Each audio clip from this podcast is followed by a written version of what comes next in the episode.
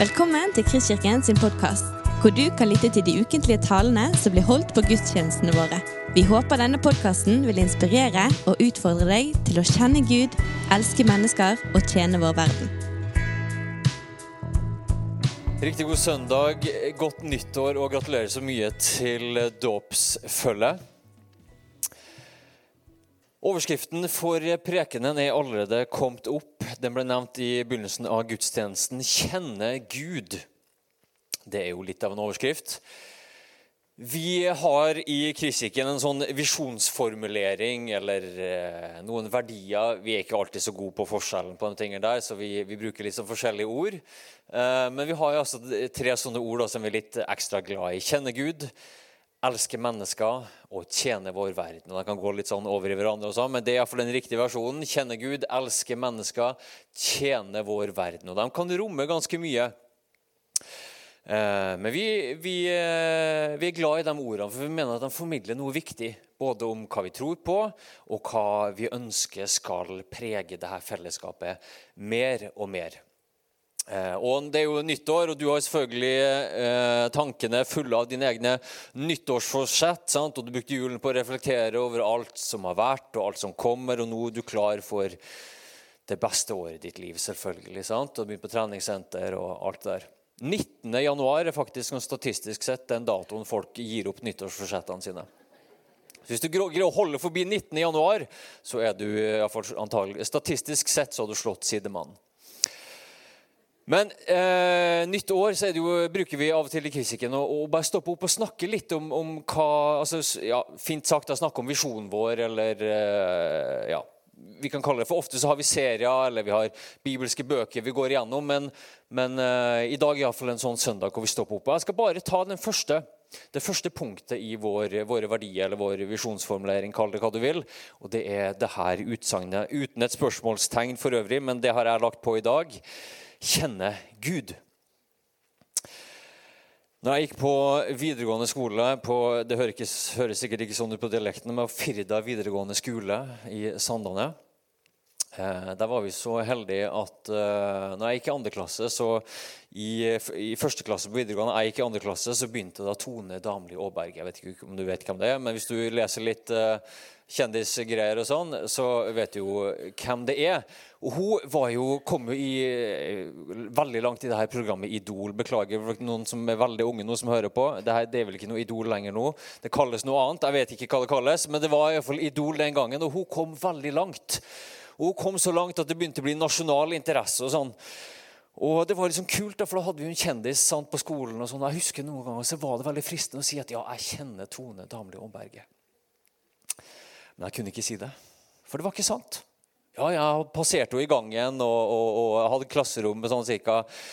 30 meter unna, og sånn, men det var ikke nok. Kunne ikke si at jeg kjente Tone Damli Aaberge. Og du har kanskje drista deg utpå sjøl at du kjenner noen som eh, sånn til lunsjen på jobben du kjenner, Ja, jeg selvfølgelig kjenner han, og så vet du egentlig Eller du har selvfølgelig ikke gjort det, men kollegaene dine har sikkert gjort det. sant? Um, og det kan være litt sånn, ja, ja, det var litt voldsomt å si at du kjenner den personen. Men så kommer vi i Kristkirken da, og sier 'kjenne Gud'. Og Det er jo litt pretensiøst. Kjenne Gud?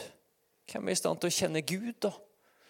Og så står det jo riktignok ikke 'kjenner Gud'. Det er ikke sånn at vi mener at vi har kommet i mål eller at vi har grepet det. Men det er jo et litt voldsomt utsagn. Kjenne Gud? Han som vi tror er skaperen av himmel og jord. Han som vi tror at alle milliarder av galakser ikke kan romme. Tror vi at vi begrensede, dødelige mennesker kan kjenne Gud? Iallfall hvis det kommer en litt sånn eh, bråkjekk holdning og slår oss på brystet og sier ja, ja, vi kjenner Gud, da er det fare på ferde. Da tror jeg sjansen er stor for at han forveksla sitt eget lille mentale bilde av Gud med det som faktisk er Gud. Der ønsker vi for all del ikke å være. For ingen av oss kan kontrollere Gud. Og for å si det, det er ikke helt sant, og det skal man ikke si fra en talerstol, men egentlig så kan vi ikke kjenne Gud hvis vi virkelig satte opp de store dimensjonene. Men det er noe som er enda mer sant, og det er faktisk at Skriften sier og oppfordrer oss til å bli kjent med Gud. Så det er et lite sånn paradoks der. Eh, men vi, ta, vi, må ha med oss begge de to tankene samtidig. Men utgangspunktet er at selv om den enorme avstanden Gud er så stor, vi er så små, vi kan ikke skjønne Gud. Og, og, og hvis vi begynner å tro sjøl at ja, jeg har grepet Gud, eller nå har jeg blitt kjent med Gud, så har vi antageligvis gapt over litt for mye. Men så lenge vi har med oss den erkjennelsen, så kan vi begynne å nærme oss spørsmålet. Ok, men hva vil det si da å kjenne Gud? For Skriften er overtydelig på det at vi er kalt til å kjenne Gud. At du er kalt til å kjenne Gud. Ikke på en sånn utfyllende måte at du kommer i mål. Vi kommer antageligvis aldri i mål på akkurat det. Men vi skal se på noen bibelvers. Skriften er tydelig på det. Det første, og Du er jo i en kirke, så litt bibelvers hører med. Johannes 17, vers 3. Du trenger ikke bla opp, du får det på skjermen. Og dette er det evige liv, at de kjenner deg, den eneste sanne Gud, og ham du har sendt, Jesus Kristus. Så har vi Filippe-brevet. Men det som før var en vinning for meg, det regner jeg nå for Kristi skyld som tap. Ja, jeg regner alt som tap fordi det å kjenne Kristus Jesus, min Herre, er så mye mer verdt. Så har vi avslutningen av 2. Peters brev. Dere skal vokse i nåden og i kjennskap til vår Herre og Frelser Jesus Kristus. Og det siste verset. Mine kjære fra 1. Johannes brev, la oss elske hverandre. For kjærligheten er fra Gud. Og hver den som elsker, er født av Gud og kjenner Gud. Den som ikke elsker, har aldri kjent Gud, for Gud er kjærlighet. Ok, Så troen er ment Iallfall vi skal ta de her versene på alvor. Troen er ment å skulle lede oss inn i en relasjon. Og Det høres jo veldig sånn menneskelig ut, men jeg tror det er sant. Eller du kan kanskje til og med si at troen dypest sett er en relasjon. og Derfor tror vi at, tror vi at troen må kunne erfares.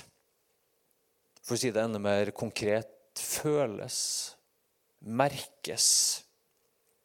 Troen er ikke først og fremst en hodeting. Vi har jo ikke ordet at vi skal skjønne Gud, elske mennesker og tjene vår verden. Vi skal kjenne Gud. Ikke misforstå meg, teoriene er veldig viktige. Teologien er veldig viktig. Og jeg tror at jeg sjøl er over snittet sånn interessert i teorier og intellektuelle ting og, og teologi osv. Og, så og de er veldig viktige. Men poenget er at de lever ikke. Beklager for å si det helt åpenbare her. Vi skal jo gjerne være litt sånn avanserte fra talerstolen, men det blir litt enkelt i dag. Uh, ideene våre, konseptene våre, teoriene våre, de er ikke levende. De er døde. Og Derfor er teoriene våre, tankene våre, ideene våre, konseptene våre og Vi skal jobbe for å få dem så bra som mulig, så nært sannheten som mulig. Men de er og forblir pekepinner. Veivisere som er ment til å lede oss til et sted. Hvis jeg har lyst til Oslo, selvfølgelig helt hypotetisk, for det er jo ingen som har lyst til Oslo og Så kjører jeg ut her på E16, og så kommer jeg til det første skiltet til Oslo. Og Så parkerer jeg bilen min der, og så stopper jeg der. Og Så begynner jeg å studere skiltet, og hvilke farger det har, og hvor stort og bredt det er, og hvilke skrammer det har. og sånn. Uansett hvor mye jeg stopper der, uansett om jeg slår opp telt der, uansett hvor mye jeg studerer det skiltet, så vil det aldri få meg til å erfare Oslo. Det er selvfølgelig ingen som vil erfare Oslo, sant? men bare sånn rent hypotetisk sett.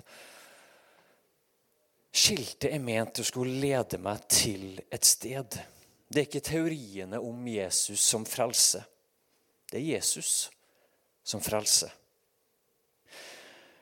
Derfor tror vi at å, det handler enn så glad vi er, og vi skal, vi skal, gjøre vårt ytterste for å få teorien eller veiviseren og skiltene. For har du feile skilt, hvis skiltet til Oslo peker mot, mot uh, Trøndelag, som er et mye bedre sted, selvfølgelig, så havner du iallfall på feil sted. Så det, det, det, har mye å si at skiltene peker riktig sted. Men det er ikke meningen at vi skal stoppe opp der. De er ment til at vi skal møte Gud. Ikke skjønne Gud, men kjenne Gud. Og få møte Gud som et levende nærvær. En som alltid er der. Noe som er utenfor vår kontroll. Noe som engasjerer oss, og som noe som er mulig å kjenne. Dypere og utover vår tanke og vår intellektuelle forstand. Den kjente katolske teologen Carl Raner skal ha sagt at framtidens kristen vil enten være en mystiker, eller så vil han eller hun ikke finnes i det hele tatt. Altså Mystiker er et ord som ikke funker så godt på norsk, men det er jo en som, som, som, som lever i en erfaringsmessig relasjon Eller har en erfaringsdimensjon i troen sin. Og Jeg tror han mente at mennesker enten vil ha et levende, umiddelbart erfaringsmessig forhold til Gud, eller så vil de i praksis miste troen. Enten så vil troen påvirke oss i hverdagslivet, skape nye måter å leve på, fylle alle dimensjonene våre med et nytt lys, ny energi, eller så vil den bli formularisk, overfladisk og i praksis tom. Og Dette tror jeg egentlig alltid er sant, men kanskje er det ekstra sant i vår tid. Vi lever i en tid eh, eller for å si det på en annen måte, der man i tidligere tider og nå, nå, eh, det er jo litt sånn, hva kan jeg si om tidligere tider? Men jeg tenker meg i til at man kanskje i større grad levde litt Man fikk sine egne overbevisninger og sin egen tro, som man kanskje har fått overlevert fra fedrene osv. Man fikk ha den litt mer i fred. For Man ble ikke utfordret hele tiden på verdensbildet og hva man tenkte og hva man trodde på. Det er annerledes i vår tid. Kunnskapen eh, eksploderer, teknologien går i rasende fart. Utviklingen generelt går i rasende fart. Det er religiøs, kulturell og politisk pluralisme. Hvis du vil ha et annet verdensbilde, så er det bare å, du har det rett på fingertuppene dine. Gå rett inn på mobilen din, sosiale medier, hvor du vil. Og du får en drøss med ulike verdensbilder og religioner osv. Og utgangspunktet tror jeg det er bra. Vi skal ikke være redd for å bli utfordra, for all sannhet er Guds sannhet. Men da blir det kanskje ekstra tydelig for oss at ja, trosforsvar og det å dykke inn og finne sannheten har sin kjempeviktige plass. Men troen kan ikke overleve på den magre næringen fra tanken og sinnet alene. Av ideer, doktriner, argumenter.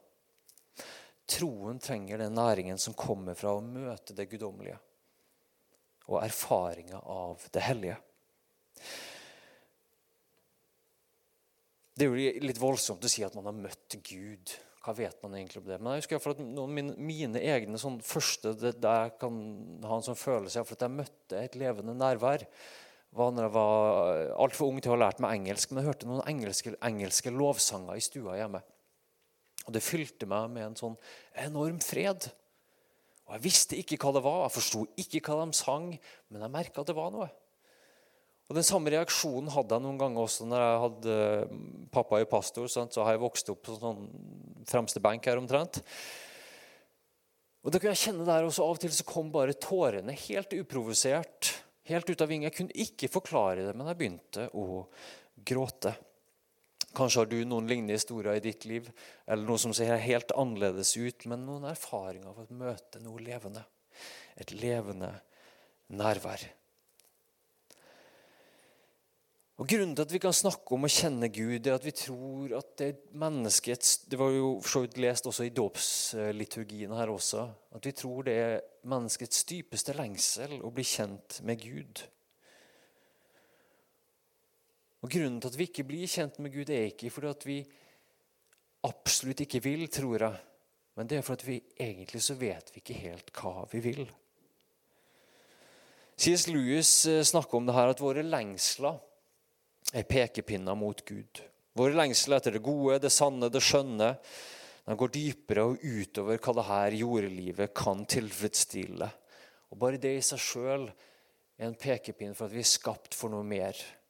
Den tørsten som bare Gud kan slukke. I Salme 62, 2, så står det bare i håp til Gud er min sjel stille. Fra ham kommer min frelse. Og Augustin kirkefaderen skal ha sagt noe sånt som at du, Herre, har skapt meg. Og mitt hjerte er urolig inntil det finner hvile hos deg.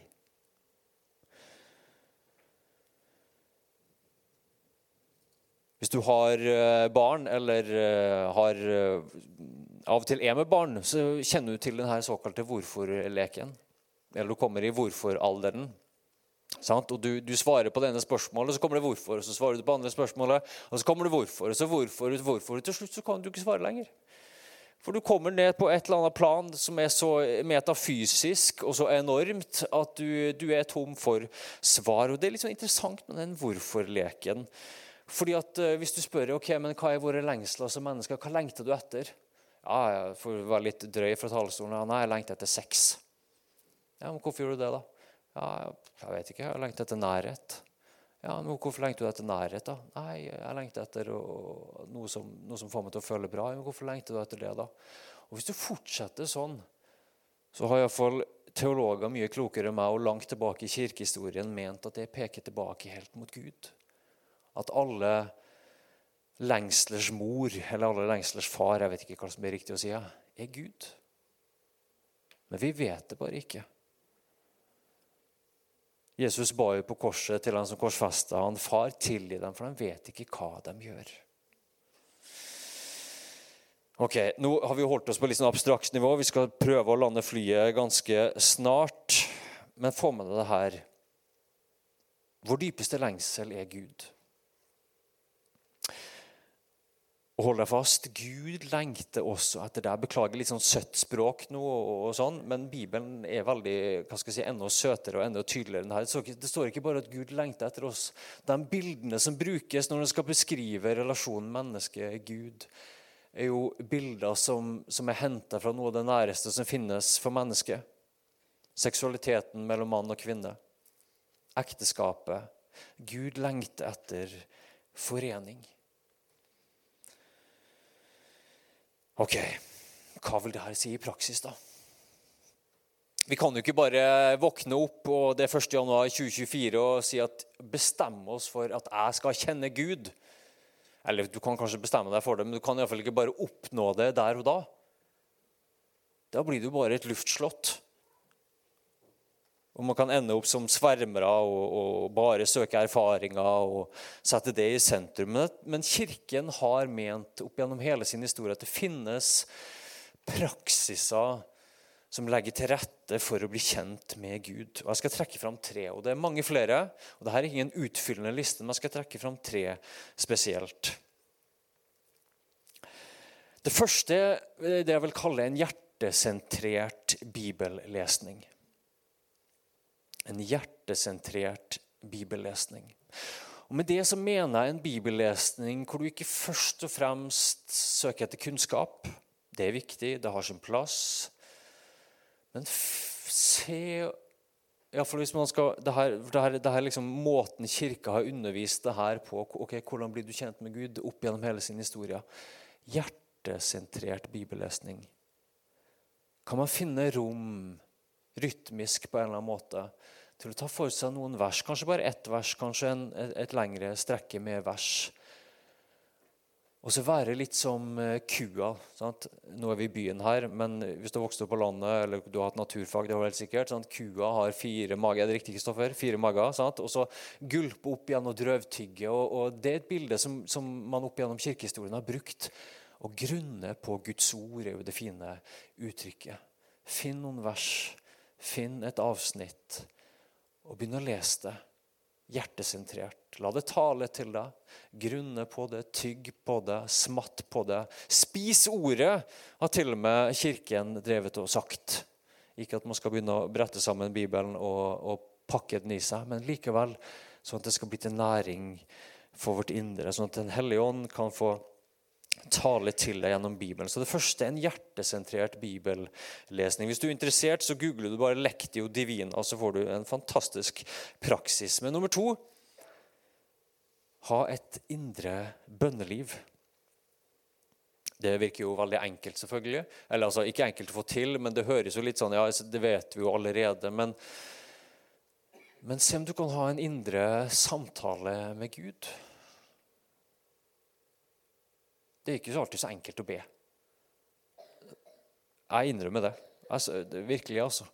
Det er ikke alltid så enkelt å be. Men jeg har blitt mer og mer en pragmatist på det feltet her. Noen har sagt det sånn Be slik du kan, ikke slik du ikke kan. Og redusere det til en samtale med Gud. Det er iallfall noe som strekker meg. Se, Thomas, kan du ha en pågående samtale med Gud om det som opptar deg, det du kjenner på? Så, indre, så hjertesentrert bibellesning, et indre bønneliv. Og så vil jeg løfte fram gudstjenesten.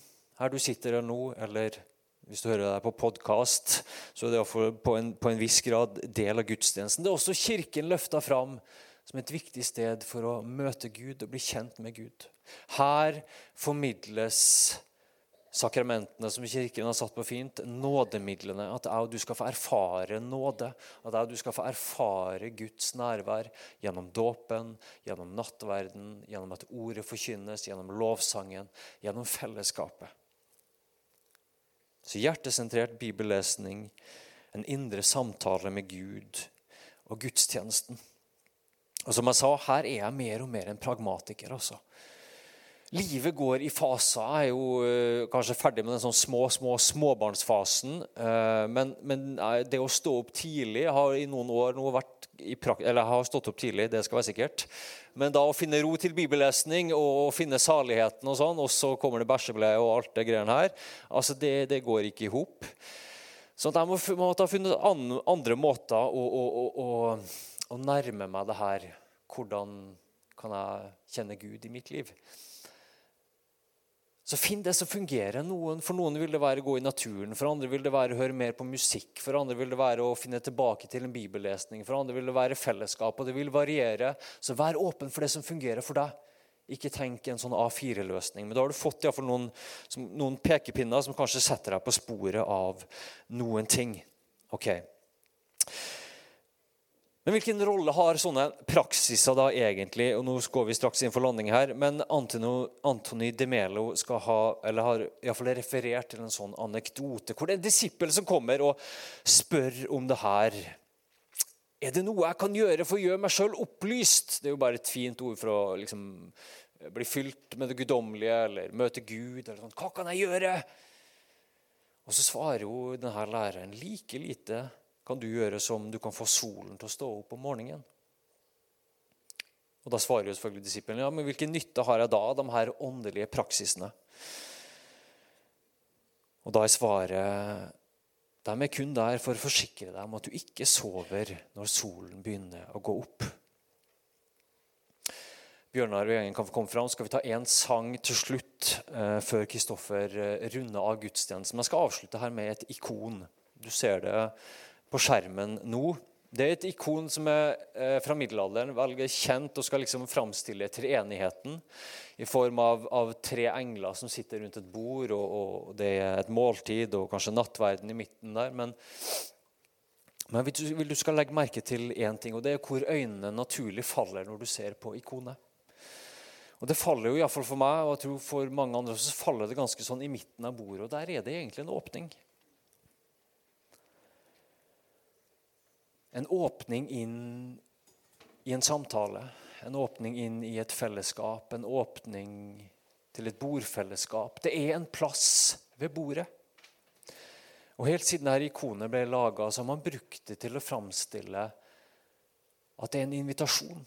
At når man ser på det ikonet der, og ser på den framstillingen av treenigheten, så er det en dragning i bildet. Den drar deg mot åpningen, den drar deg mot den ledige plassen ved bordet. Fordi du har en ledig plass ved Guds bord. Jeg og du inviteres inn til å sette oss ned og til å ha fellesskap med Gud. Vi greier ikke å skjønne det, vi greier ikke å forstå det, men det er den dype invitasjonen. Kanskje for deg at det er noen praksiser du skal ta opp kanskje sånn som jeg måtte ha gjort mange ganger, innrømme at jeg vet ikke, jeg kjenner deg ikke, Gud. For at jeg blir så opphengt i mine mentale bilder av Gud, så forveksler jeg det med realiteten. Og så må de knuses av og til for at jeg skal få møte det levende nærværet en gang til. Ok, du skal få reise deg.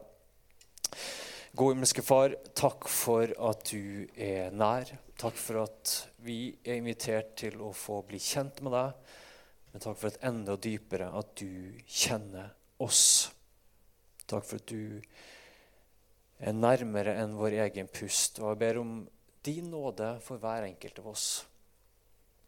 Til å se dine fotspor, til å se dine avtrykk i våre egne liv. Og til å kunne rydde plass på en slik måte at vi kan få erfare ditt levende nærvær. Du har lyttet til en podkast fra Kristkirken i Bergen. Vi håper du har blitt inspirert og utfordret i din vandring med Gud. Vil du vite mer om oss, så klikk deg inn på kristkirken.no.